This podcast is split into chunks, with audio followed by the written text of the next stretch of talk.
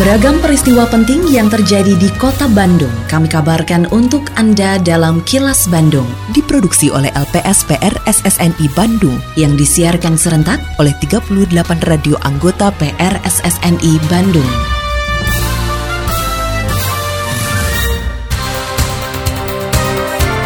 Sejumlah informasi aktual kami hadirkan untuk Anda dan inilah informasi utamanya pemerintah Kota Bandung deklarasikan komitmen kinerja reformasi birokrasi.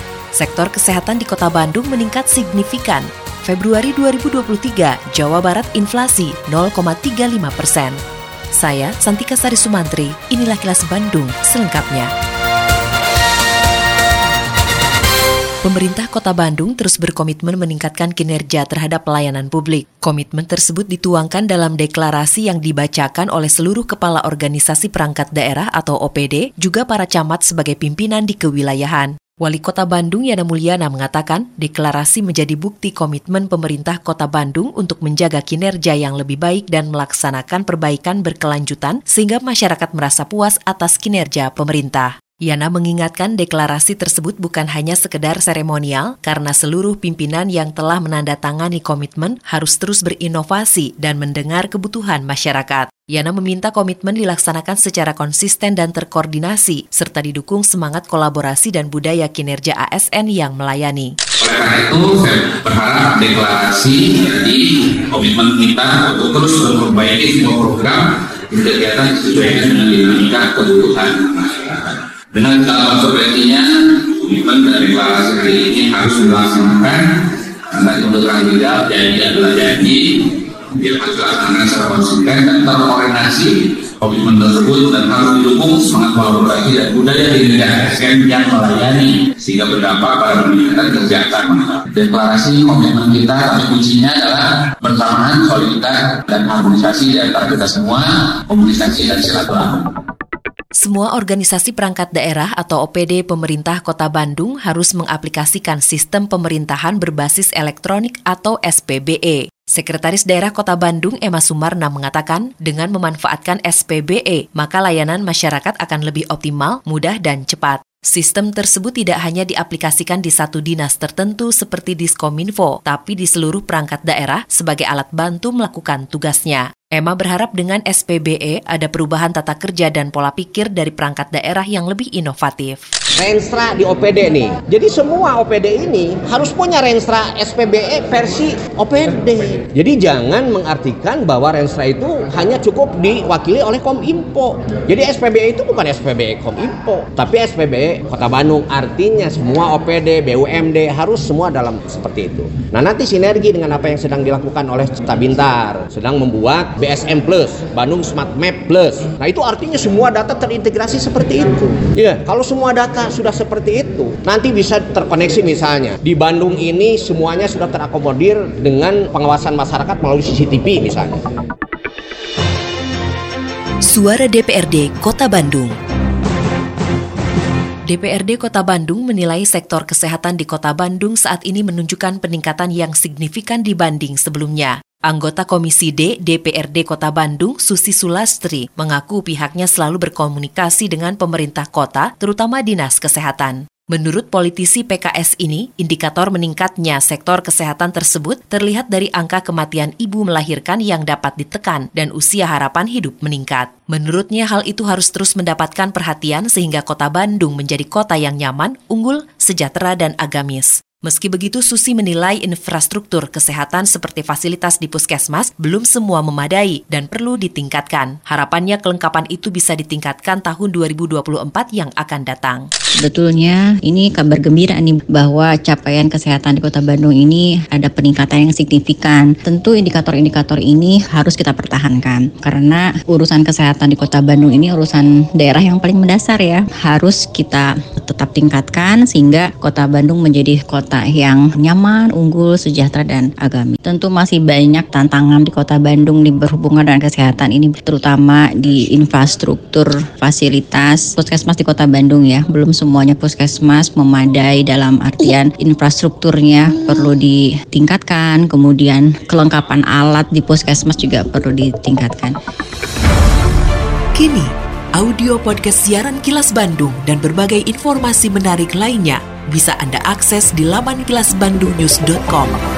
Gubernur Jawa Barat Ridwan Kamil meminta para orang tua yang mempunyai anak balita untuk mendapatkan vaksinasi secara lengkap agar terhindar dari sejumlah penyakit termasuk difteri. Pasalnya berdasarkan hasil temuan di lapangan, adanya kasus kematian pada anak yang diserang difteri, antara lain karena anak tersebut tidak diberi vaksinasi secara lengkap. Ridwan Kamil memastikan pemerintah akan memberikan yang terbaik untuk masyarakat, terutama dalam pelayanan kesehatan termasuk bagi para balita.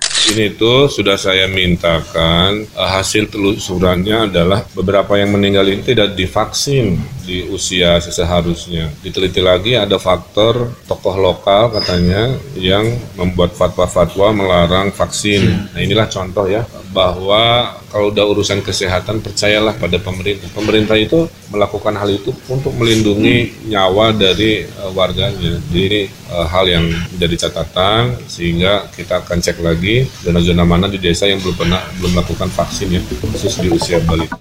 Badan Pusat Statistik atau BPS Provinsi Jawa Barat mencatat inflasi Februari di Jawa Barat mencapai 0,35 persen. Angka ini melebihi angka inflasi nasional yang sebesar 0,16 persen. Sedangkan laju inflasi tahunan Jawa Barat tahun 2023 tercatat 0,83 persen, yang juga lebih tinggi dari laju inflasi nasional yang mencapai 0,50 persen. Meski begitu, Ketua Tim Statistik Distribusi BPS Jawa Barat Dudung Supriyadi mengatakan inflasi Februari lebih rendah dibanding Januari yang ada di angka 0,47 persen. Menurut Dudung, komoditas makanan, minuman, dan tembakau seperti beras dan cabai merah masih memberikan kontribusi signifikan terhadap laju inflasi Februari 2023 di Jawa Barat. Inflasi Februari 2023 secara mantuman sebesar 0,35. Ini jauh di atas inflasi nasional yang sebesar 0,16. Sedangkan inflasi secara year to date atau Januari Februari ini sudah mencapai 0,83 dan ini juga masih jauh di atas angka nasional yang hanya sebesar 0,50. Beras masih memberikan andil tertinggi terhadap inflasi mantuman Februari 2023. Sumbangan dari beras memberikan andil sebesar 0,1057